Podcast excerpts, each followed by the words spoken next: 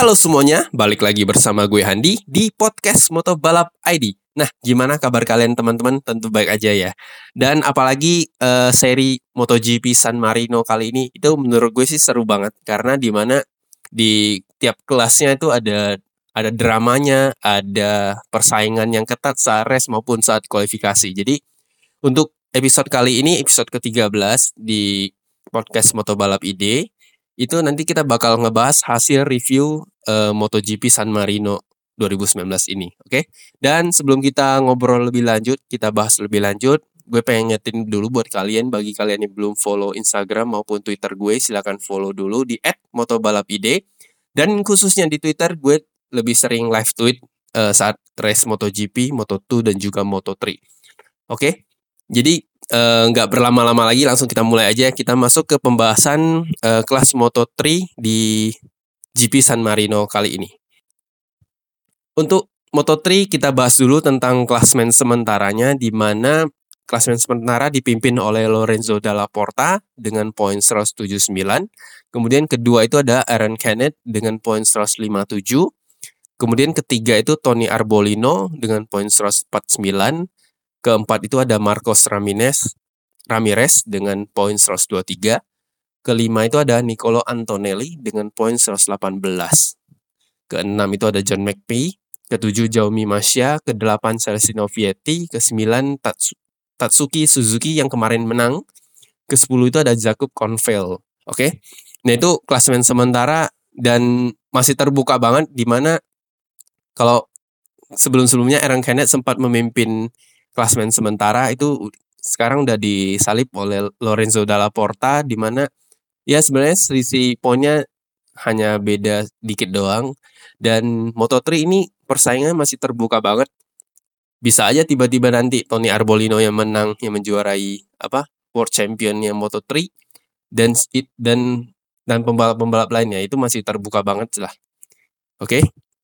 Terus uh, kita bahas lagi bahas langsung dari free practice pertama itu di mana sebenarnya kalau kita lihat Tatsuki Suzuki ini di latihan bebas pertama itu belum memimpin. Bahkan dia itu finish di posisi ke-15 sedangkan si kalau Tony Arbolino itu udah masuk di lima besar itu di posisi keempat. Begitupun juga si Lorenzo Dalla Porta dan juga Nicolo Antonelli.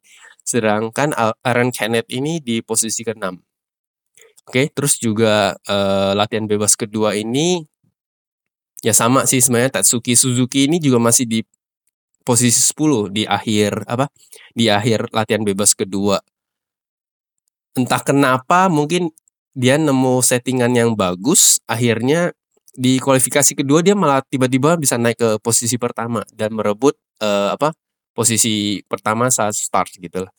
Dan ya perlu kita tahu bahwa Tatsuki Suzuki ini merupakan pembalap yang di bawah naungan timnya bokapnya Arma, apa almarhumnya Marco Simoncelli itu di tim 658 Squadra Course gitu.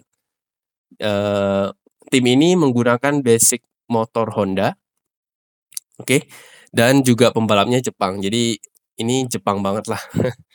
okay? Dan ya kita tahu sendiri si Paulo Simoncelli kalau nggak salah namanya si almarhum oh, almarhum bokapnya almarhum Marco Simoncelli maksud gue.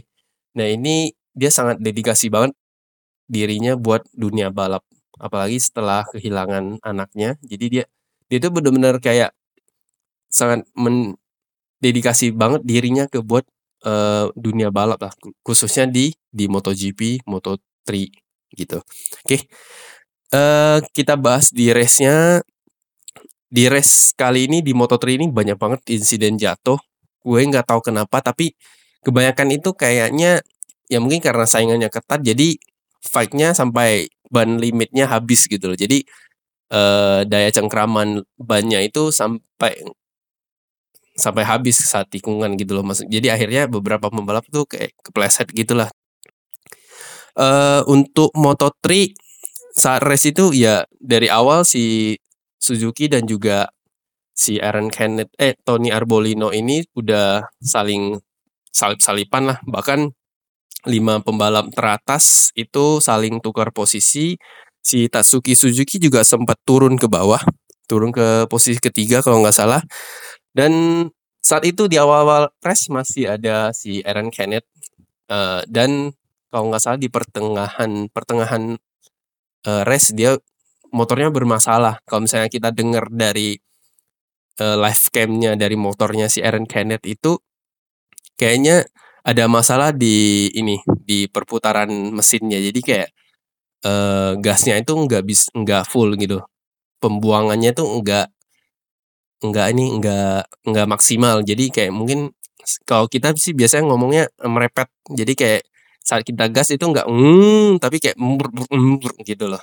Maksudnya kayak gitu.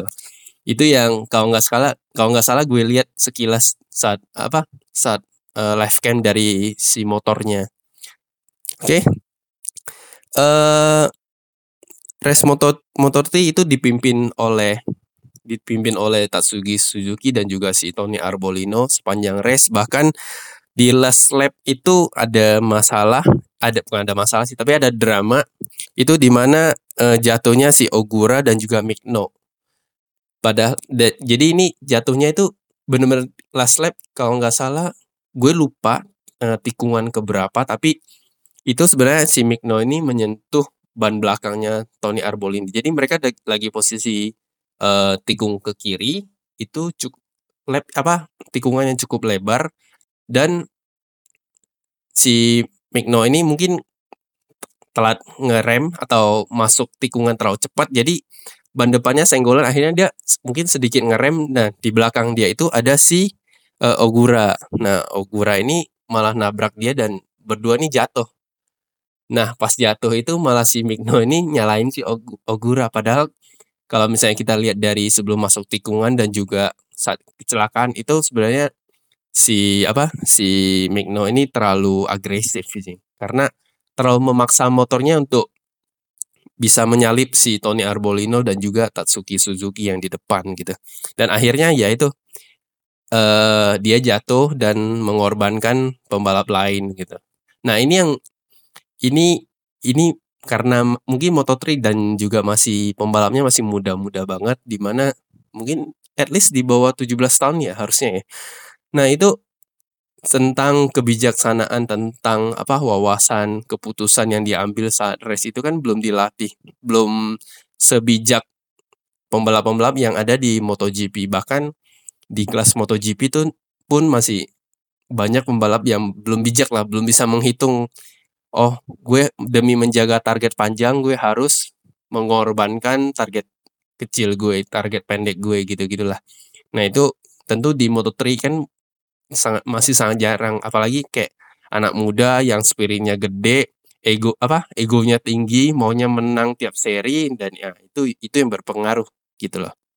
Oke, itu sekilas tentang Moto3 dan selanjutnya nanti kita bakal ngebahas tentang Moto2. Untuk Moto2 kita mulai dari klasmen sementara Moto2 itu di mana posisi pertama masih dipimpin oleh Alex Marquez dengan poin 197. Terus juga kedua itu Augusto Fernandez dengan poin 171. Ketiga Thomas Ruti dengan poin 159. Keempat Jorge Navarro. Kelima Brad Binder. Keenam Lorenzo Baldassari. Ketujuh Marcel Skolter. Terus kedelapan Luca Marini. 9 Fabio Di Gianantonio Di oke okay. ke 10 itu Enea Bastianini nah, itu 10 besar klasmen sementara Moto2 setelah uh, Moto Moto2 seri ke-13 di San Marino oke okay. uh, eh, untuk klasmen Moto2 ini ya Alex Marquez entah kenapa akhir-akhir ini nggak bisa terlalu bersaing di mana kalau nggak salah race kemarin dia jatuh ya. Race sebelum San Marino dia jatuh. Terus juga beberapa race kemarin dia cuman kayak menang beberapa kali lah. Dan kelihatan dia nggak begitu konsisten di paruh kedua musim ini. Eh, dan semoga ya ini dia mungkin harus segera berbenah sih karena dengan poin yang hanya selisih 26 poin ya kalau 26 poin dengan Augusto Fernandes dan dia bisa terancam gagal finish apa meraih world champion di Moto2 sih kalau misalnya dia tetap uh, apa tetap nggak mengembangkan nggak mengembangkan konsistensinya di balapan gitu. Akan kemungkinan dia bisa akhirnya finish di posisi kedua klasmen gitu loh. Oke. Terus kita langsung bahas aja di race-nya langsung ya. Untuk race-nya balapannya sih sepanjang sepanjang balapan yang gue lihat sih ya balapan itu dipimpin sama oleh si Gian Antonio, Gian nanti apa? Sorry, Gian Antonio uh, karena dia dari awal udah di depan terus, di mana juga uh, terjadi fight juga sih beberapa sebenarnya bukan di bu, bukan si apa bukan si di Gian Antonio doang sih yang memimpin tapi si siapa hmm, si ada Fernandes, ada juga Alex Marquez dan juga Thomas Dutti. Nah, mereka ini saling salip-salipan di depan bahkan beberapa lap setelahnya itu udah ada gap antara posisi ke 5 dan juga ke 6. Nah, itu udah mulai ada gap gap beberapa 0, 0, sekian detik lah gitu. Nah, kalau misalnya kita perhatiin di apa di grup yang paling depan ini, nah itu persaingan kelihatan banget sih. Gian Gian Antonio ini memaksa motornya untuk tetap bisa di depan dan ya itu minusnya adalah uh, dia nguras ban ban motornya sih lebih cepat karena mau gak mau dia harus push motornya terus dan sedangkan pembalap-pembalap lain tuh kayak ngikutin dia di belakang dan dia juga sempat menjauh banget namun di akhir-akhir balapan ya itu uh, apa bannya mungkin mulai mulai berkurang gripnya, jadi akhirnya dia mulai turun dan di beberapa lap terakhir, 6 atau 8 lap terakhir, nah dia di akhirnya bers harus bersaing sama si uh, Fernandes. Yang menurut gue saat itu Fernandes cukup bijak dalam menggunakan uh, ban motornya gitu loh karena di lap terakhir justru si Fernandes yang menekan terus si Janan Tonio ini gitu. Sedangkan kalau menurut gue si Alex Marquez dan juga Thomas Luthi ini walaupun mereka sempat bersaing di depan si Alex Marquez sempat di posisi kedua tapi gue ngerasa Alex nggak gitu bisa nggak nyaman nggak gitu nyaman sama motornya sehingga dia harus uh, rela finish ketiga ya sebenarnya itu lumayan sih ketimbang dia harus jatuh dan mungkin ini juga pelajaran buat si Alex Marquez ya karena uh, beberapa kali dia push motornya itu hampir jatuh di maksud gue di di race sebelumnya bukan di race San Marino ini gitu. Nah mungkin di San Marino ini dia udah mulai belajar bahwa ya nggak apa-apa gue finish di urutan ketiga tapi gue tetap mendapatkan poin dan gue tetap menjaga jarak sama posisi kedua di klasmen yaitu si Augusto Fernandez. Oke, okay. uh, eh, balapan itu sampai sisa lap terakhir 8 lap terakhir itu nah, yang seperti gue bilang tadi si Fernandes ini udah mulai nempelin si si Gian Antonio ini akhirnya di lap terakhir nah ini Moto2 ini mirip-mirip sama kejadiannya MotoGP ya nanti kita bahas Moto2 ini uh, sekitar sisa tiga lap terakhir ini akhirnya si Fernandes ini masuk ke tikungan terus uh, nyalip si Giantoni Gian Antonio ini di mana uh, setelah dia masuk dari sisi dalamnya si Gian Antonio ini si Fernandes ini tiba uh, sempat ngelakuin blocking. Blocking maksudnya blocking itu adalah dia agak ngerem dikit di mana supaya si pembalap lanjut pembalap yang apa di belakang dia itu juga ikut ngerem gitu loh. Jadi itu ya salah satu trik yang sebenarnya terlalu beresiko sih apalagi itu udah lap apa udah lap terakhir kan di mana kalau misalnya kita ya apesnya tiba-tiba ternyata ketabrak dan jatuh itu kan mereka gagal finish gitu loh oke okay? dan si Fernandes ini sempat uh, sebelumnya ini di last di last lapnya juga sempat keluar tikungan dikit yaitu terkena track limit namun mungkin dari pihak MotoGP-nya uh, awalnya sih masih under investigating ya. Jadi dan akhirnya si Augusto Fernandez nggak nggak kena penalti. Ya mungkin karena pihak MotoGP, pihak penyelenggaranya mungkin melihat kalau misalnya si Augusto Fernandez ini uh, enggak terlalu bukan bukan karena apa, tapi mungkin karena murni dia ingin mengejar, uh, apa, si Gian Antonio ini gitu loh. Dan kalau kita lihat kita lihat tayangan ulangnya lagi itu sebenarnya si Augusto Fernandes juga enggak membahayakan pembalap lain. Dia hanya mungkin terlalu maksa masuk tikungan lebih cepat akhirnya jadi dia terlalu maksa memasuk tikungan da bagian dalam lebih cepat sehingga mau nggak mau si motornya itu harus lebar, melebar, melebar keluar dan itu yang akhirnya dia kena track limit di uh, lap terakhir itu. Oke, itu sekilas tentang Moto2 ya Moto2 klasmen antara Fernandes dan juga si Alex Marquez itu bedanya cuma 26 poin.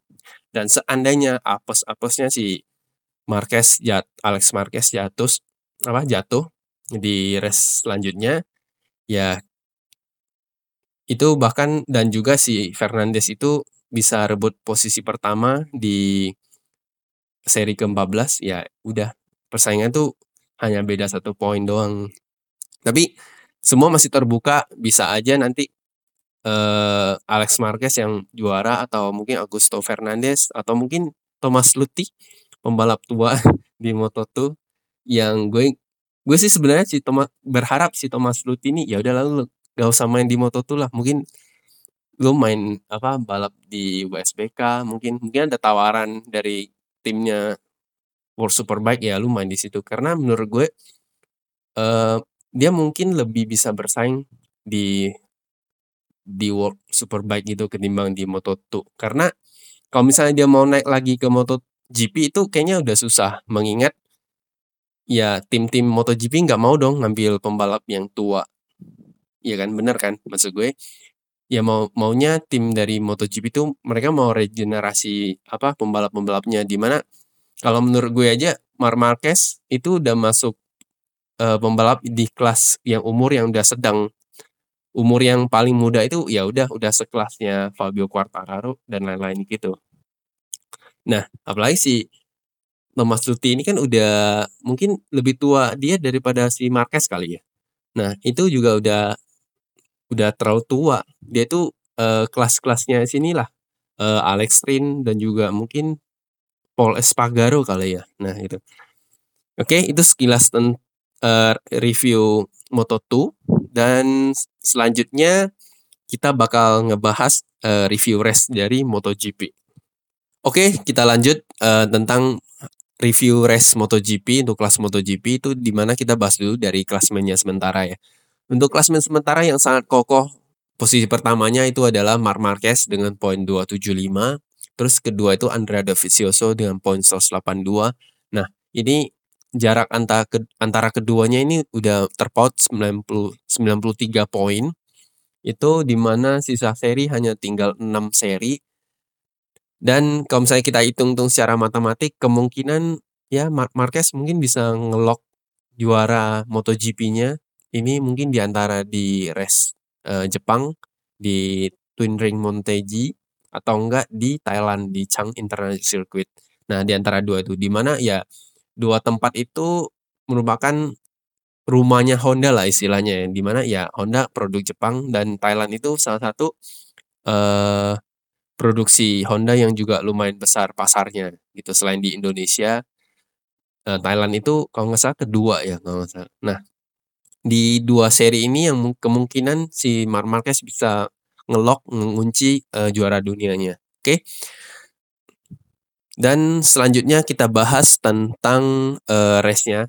Jadi kita bahas dulu dari latihan pertamanya di mana latihan pertamanya ini sebenarnya sudah dikuasain oleh Fabio Quartararo dan juga beberapa pembalap dari Yamaha, sedangkan Ducati sedikit kepayahan dan juga di antara pembalap-pembalap Yamaha ya keselip lah si Mark Marquez di posisi kedua di latihan bebas pertama. Nanti gue bakal ngebahas kenapa prediksi gue uh, apa episode kemarin itu sedikit meleset di mana di saat itu gue bilang kemungkinan bersaingnya itu antara Honda dan juga Ducati dan juga Suzuki. Eh malah ternyata di race kali ini yaitu ya tinggal Honda versus Yamaha. Oke. kita lanjut dulu ke latihan bebas kedua itu di mana dipimpin oleh Maverick Vinales. Kedua juga si Fabio Quartararo, ketiga Marc Marquez. Sedangkan si Valentino Rossi keempat. Latihan bebas ketiga juga masih dipimpin oleh Fabio Quartararo eh, yang diisi juga sama pembalap-pembalap dari tim Yamaha. Terus keselip lah si Paul Espargaro. Dan ini yang akhirnya membawa dia ke di apa di kualifikasi kedua dia berhasil mendapatkan posisi kedua posisi start kedua yang di mana posisi pertama didapati oleh Maverick Vinales kedua itu Paul Espargaro ketiga Fabio Quartararo keempat Franco Morbidelli kelima Marc Marquez keenam Andrea Dovizioso ketujuh Valentino Rossi kedelapan Johan Zarco dan kesembilan itu Alex Rin sedangkan si Zuan Mir yang udah mulai balap lagi itu berhasil uh, start dari posisi ke-10. Oke. Okay? Dan ya seperti kita tahu di kualifikasi kedua ya banyak pembahasan tentang antara Mar Marquez versus Rossi lagi, lagi dan lagi. Dan ini yang menarik adalah mari kita bahas ya. Jadi gue sebelum tag podcast ini gue sempat nonton lagi uh, tentang kualifikasi kedua uh, MotoGP di San Marino. Itu kalau gue perhatiin sebenarnya di itu kan sebenarnya udah 8 detik terakhir atau misalnya ya bisa kita anggap itu udah lap terakhir lah buat kualifikasi saat itu. Dan si Rossi ini kalau nggak salah sebelumnya dia kan udah tahu lah, maksudnya dia udah tahu kalau misalnya di lap terakhir ini gue udah nggak bisa ngejar uh, waktu lagi. Ya udah dong, artinya uh, dia udah ngelok posisinya di posisi ketujuh lah. Dan kalau misalnya dia mau berjuang lagi, udah di pertengahan lintas pertengahan lintasan itu dia uh, masih ngebalap tapi nggak gitu kenceng. Walaupun sih kenc masih kenceng, maksudnya kayak dia nggak bawa santai tapi dia masih ngebut gitu loh. Dan sedangkan si Mar, Mar dari sisi Mar Marquez, Marquez itu dia bilang dua lap dia anggapan di lap terakhir itu gue baru keluar dari mod baru keluar dari pit dan gue mau manfaatin nih lap terakhir ini dengan dengan motor. Dengan motor gue yang udah di set up lagi gitu loh. Dan akhirnya yaitu eh terjadi hampir apa terjadi salip salipan sih salip salipan yang kecil di mana eh sebelumnya si Mar Marquez ini ikut di belakangnya Valentino Rossi. Jadi dia ikut akhirnya mencoba untuk memotong namun dipotong balik oleh Valentino Rossi. Dan akhirnya dipaksa lagi masuk ke tikungan lebarnya uh, sirkuit.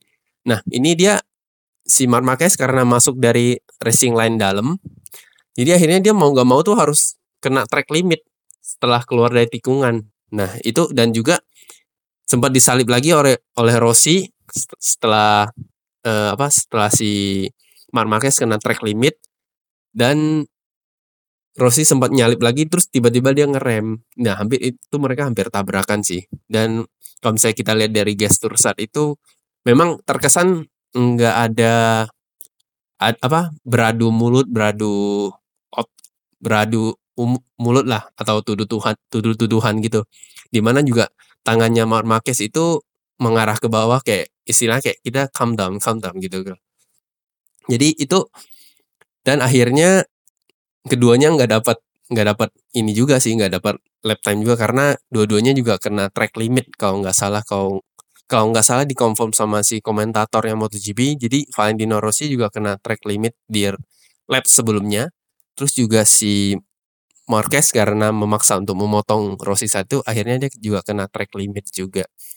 Dan kalau misalnya kita lihat responnya keduanya setelah itu misalnya ditanya respon kedua mereka saat ditanya gimana sih tanggapan masing-masing? Ya itu kalau misalnya pembelaan Marquez ya dia bilang gue nggak tahu kenapa dia uh, apa masih memaksa untuk menyalip gue padahal dia udah tahu kalau misalnya lap time-nya dia udah nggak bisa dikejar gitu loh. Dan juga Marquez juga mengakui bahwa setelah dia lihat video itu dia dia ngerasa dia bilang eh gue dia ngerasa apa gue baru sadar kalau ternyata motor motor gue saat itu udah kena track limit gitu loh. Dan dan habis itu si ya si Marquez juga membela diri. Dia bilang gue sebaiknya kalau hal itu ditanya ke Rossi karena gue gak mau ntar dicap gue itu penguntitnya Rossi gitu loh. Dan kalau di sisi Rossi juga dia bilang gue juga nggak tahu kalau motor gue kena track limit. Dan ya masing-masing membela lagi loh istilahnya. Masing-masing membela kalau tapi ini ada ada yang menarik menurut gue ya kita tahu Valentino Rossi itu salah satu ikonnya MotoGP di apalagi San Marino itu di kampungnya dia. Notabene itu adalah eh, negara dia lah res di res di rumah dia gitu loh. Sedangkan si Marc Marquez ini asalnya dari Spanyol. Dan kita bisa tahu dan Marquez ini kayaknya udah mulai ngerti gimana cara bermain. Jadi Marquez ini sengaja enggak melancarkan serangan apa pun, enggak mau berkomentar yang keras apa pun terhadap Valentino Rossi karena dia tahu kalau misalnya gue nyerang Rossi secara komentar yang pedas, nanti gue bakal di, dibully nih abis-abisan sama eh, fans-fansnya Rossi gitu loh. Jadi akhirnya si Marquez juga kalau menurut gue kali ini dia cenderung diem, cenderung enggak mau terlalu menanggapi, malah dia bilang di setelah race-nya San Marino dia bilang e, sejak kejadian apa sejak kejadian di kualifikasi kedua ada pembalap yang bisa memotivasi gue lebih untuk bisa menang di di sirkuit ini jadi gitu. Nah, dia cuma ngomong itu doang sih. Terus itu juga masih dibalas sama si Rossi bilang kalau gue sih nggak perlu pembalap lain tuh mem memotivasi gue untuk menang di race ini gitu. Ya pada akhirnya kita tahu kena uh, ya siapa lah yang sebenarnya untuk race kali ini tuh lebih baik gitu lah, oke. Okay? Dan kita bahas langsung ke race-nya itu race pertama ya lap lap awal dipimpin oleh si Maverick Vinales di mana ya dia hanya memimpin kayaknya beberapa lap doang akhirnya disalip oleh Fabio Quartararo dan juga si uh, Marc Marquez. Dia juga sempat bersaing di posisi keempat juga kalau nggak salah ya. Dan akhirnya uh, kalau dia bilang sih Maverick punya masalah dari awal itu grip depannya, grip motor depannya itu nggak enak. Jadi dia cukup uh, apa? Cukup struggling, cukup menderita di race kali ini ya jadinya jadinya dia bisa ngamanin posisi ketiga dia doang dan nggak bisa apa nggak bisa bersaing sama Quartararo dan juga Mar Marquez karena mengingat di kualifikasi dan juga di sesi latihan dia termasuk yang kuat juga selain si Fabio Quartararo kan gitu dan akhirnya sepanjang race ya sebenarnya dari sebelum akhir dan sebelum akhirnya race berakhirnya race itu ya itu kita dipertonton cuman antara uh, si Marquez mengikuti si Fabio Quartararo. Itu kalau menurut gue di mana Marquez ini udah tahu dia itu bisa apa bisa nge-overtake, bisa nyalip si Quartararo, cuman dia nggak mau. Jadi dia hanya ikut di belakang Quartararo dan uh, mempelajari kira-kira posisi di tikungan apa, di posisi yang di mana yang gue bisa masuk gitu loh. Akhirnya di lap terakhir di tikungan pertama lagi itu si moto apa si Marquez ngeber motornya itu akhirnya kepotong deh si Quartararo-nya. Sempat disalip balik sama Quartararo tapi akhirnya dibalikin lagi sama Mar Marquez gitu. Apalagi di apa di lap terakhir ini Fabio kan di dua tikungan dua apa tikungan ketiga terakhir juga itu di mana kejadian yang sama dengan Moto2 yang tadi gue bilang. Nah, itu Marquez sempat ngerem bentar motornya terus Fabio hampir nabrak nabrak dia gitu loh dan itu akhirnya Mar Marquez keluar sebagai pemenangnya gila itu uh, itu race yang menurut gue ya setelah gue nonton race itu jadi gue inget Valentino Rossi saat dulu masih di Honda di tahun 2000-an lah. Waktu baru masuknya kelas motor 4 tak. Jadi itu si Rossi itu selalu mempelajari pembalapnya yang di depan. Akhirnya sisa kayak empat lap atau tiga lap terakhir nah dia belum nyalip baru nyalip si pembalap lain itu loh gitu. Dan ini kejadian sama si Mar Marquez sama Quartararo ini dan kalau misalnya kita bahas tentang Quartararo menurut gue dia udah ngasih yang terbaik lah di race kali ini di mana ya lu tahu dia masih pembalap di tahun pertama rookie pembalap rookie yang masih mempelajari motornya dan menurut gue dibanding pembalap lain, pembalap Yamaha yang lain ya. Dia itu belajarnya lebih cepat gitu. Makan gue ngerasa ya dia salah satu baby alien, another baby alien selain si Mar Marquez. Karena yaitu dia tahu kapasitas motornya, dia tahu cara memanfaatkan motornya dengan baik. Walaupun ya sebenarnya dia masih belajar, kadang masih suka jatuh, kadang salah ngambil keputusan, kadang salah dan enggak tahu gimana caranya ngatasin motor saat race gitu-gitu. Jadi buat gue itu Quartararo itu udah ya satu pencapaian yang paling baik lah gitu loh. Lu nggak bisa langsung bersaing sama lu nggak bisa langsung bisa melewati Mark Marquez. Iya karena dia pembalap pertama dan juga eh, apa? Maksud gue dia ada pembalap yang baru pertama kali naik di kelas MotoGP terus juga dia di tim satelit. Beda cerita kalau misalnya saat itu Yamaha memberanikan diri atau punya kesempatan untuk naikin dia langsung ke tim Monster Energy Yamaha di tim intinya. Kan itu beda cerita. Itu kan yang dialami oleh Mark Marquez di mana dari Moto2 dia langsung masuk ke Reswell Honda Team. Nah, itu beda cerita lagi. Nah, menurut gue ini adalah salah satu, salah satu kesempatan Yamaha untuk bisa bersaing sama Honda dan juga Mark Marquez, yaitu secepatnya lah kalau menurut gue si Quartararo ini harus dimasukin ke tim Yamaha, Yamaha intinya Monster Energy Yamaha ya ya antara mengganti kemungkinan paling besar sih menggantikan posisi Valentino Rossi sih. Tapi tahun depan mungkin belum lah. Dan selain opsi selain itu ya mungkin Quartararo dikasih spek motor yang sama dengan tim MotoGP apa timnya intinya MotoGP, eh intinya Yamaha MotoGP. Itu ya motornya dikasih lah yang sama sama yang dipakai sama Maverick dan juga si Rossi gitu. Karena potensinya gede banget dibanding pembalap yang lain bahkan sekelas Maverick Vinales juga masih harus berusaha untuk bisa fight di depan. Sedangkan si Quartararo ini udah udah tau lah pembalap ini tuh bagus banget. Karena ini karena cuma faktor dia di tim satelit doang. Beda cerita kalau misalnya dia udah ternyata masuk ke langsung ke tim pabrikan, tim inti. Nah, itu beda lagi. Mungkin dia bisa langsung bersaing sama si Mar Marquez. Gitu loh.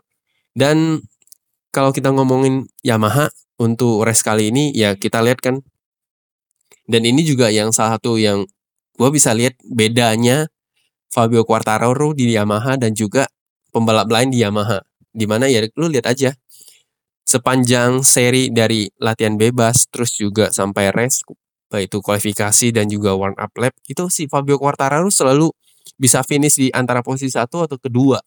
Artinya apa? Artinya dia bisa beradaptasi, bisa menyesuaikan motornya, bisa apa? Bisa mem memanfaatkan motornya di motor Yamaha kali ini menurut gue di sirkuit ini itu motor ini sangat stabil di setiap tikungan di setiap lini lintasan beda sama Honda kalau menurut gue dan juga Ducati di mana Honda dan Ducati itu kita tahu punya motor dengan power yang sangat besar.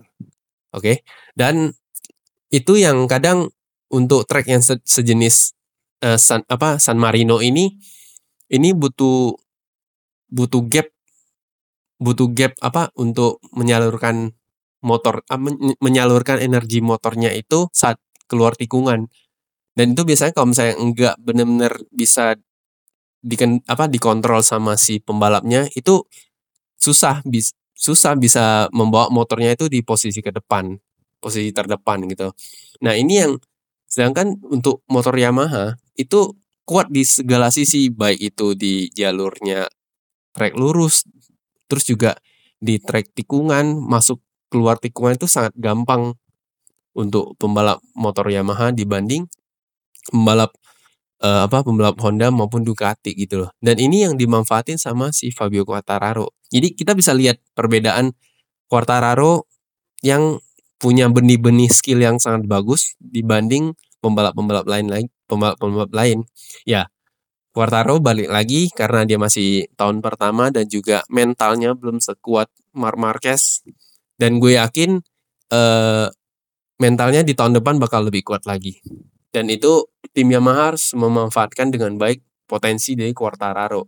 Ya jangan usisian lagi lah dari apa si Zo kayak si Johan Zarco sama dulu siapa lupa gue namanya dari tim satelitnya Yamaha. Itu mereka juga bagus banget kan di musim lalu dan itu akhirnya bubar karena ya itu Yamaha nggak memanfaatkan dengan baik lah. Menurut gue Yamaha terlalu fokus sama Valentino Rossi sih. Bukan sorry ya untuk fansnya Valentino Rossi. Bukannya gue nggak menghargai tapi dari sisi sisi pengembangan regenerasi apa tim regenerasi pembalap di tim itu harusnya Valentino Rossi udahlah udah nggak usah diperpanjang kontraknya lagi. Jadi benar-benar si tim Yamaha itu meregenerasi. Lu lihat aja Honda. Honda itu pertama kali dapatin Mark Marquez itu kalau menurut gue itu sangat gambling banget loh. Di mana dia Honda rela uh, bikin motor yang bisa sesuai sama si Mark Marquez. Karena dia udah tahu Mark Marquez ini punya potensi yang baik di bahkan kelihatan di Moto2 terus ya jelek-jeleknya Yamaha gagal judi lah gitu Eh Honda gagal judi lah di tahun pertama Mark Marquez gitu. Sedangkan Yamaha enggak. Yamaha terlalu fokus sama Valentino Rossi. Sorry, tapi menurut gue sih begitu ya. Ma, apa Yamaha itu terlalu fokus sama Valentino Rossi dan sekarang dia baru mulai berbenah, baru mulai mengarahkan uh, pengembangan motornya itu untuk Maverick Vinales, untuk Quartararo, untuk Franco Morbidelli. Sedangkan di tahun-tahun sebelumnya dia masih fokus sama Valentino Rossi lagi, Valentino Rossi apa pun dia harus patokannya sama Valentino Rossi. Sedangkan stylenya Valentino Rossi itu itu udah udah nggak cocok sama pembalap-pembalapnya sekarang yang sekarang ini gitu loh. Ya gue sih jujuran bukan karena gue nggak benci Valentino Rossi, gue juga fans sama Valentino Rossi, gue fans semua baik gue juga fans Marquez gue juga fans Quartararo tapi kita kalau misalnya kita berbicara fakta ya ini faktanya gitu loh bahwa sebenarnya Yamaha udah saatnya harus fokus sama pembalap-pembalap mudanya lah untuk masa depan kalau enggak dia bakal bi kemungkinan kalau kemungkinan bisa disalip sama Suzuki loh. Ya lu lihat aja perkembangan Suzuki begitu cepat tahun ini di mana Alex Rin dan Juan dan juga Joan Mir yang kalau misalnya nggak nggak kecelakaan bisa juga bisa bersaing di papan tengah dan di papan atas gitu loh. Oke. Okay? Nah, itu sekilas tentang review MotoGP San Marino kali ini di episode ke-13 dan juga seri ke-13 jadi bisa pas banget. Oke, okay? dan untuk race selanjutnya di di apa di Aragon itu nanti gue bakal uh, tag di podcast edisi ke-14 dan juga itu bakal keluar di minggu ini juga. Mungkin sekitar hari Jumat. Jumat lah kalau nggak salah paling telatnya. Oke. Dan ini aja untuk episode kali ini. Terima kasih buat kalian yang masih setia mendengarkan suara gue. Terima kasih banget. Terima kasih buat kalian yang suka ngerespon gue di Twitter. Dan semoga ini bisa nambah wawasan juga buat kalian. Terima kasih juga. Kalau misalnya ada masukan apa-apa, silakan bisa tweet ke gue atau juga DM ke gue. Nggak apa-apa sih gue bakal terima oke dan sekian aja untuk episode kali ini. Terima kasih dan selamat malam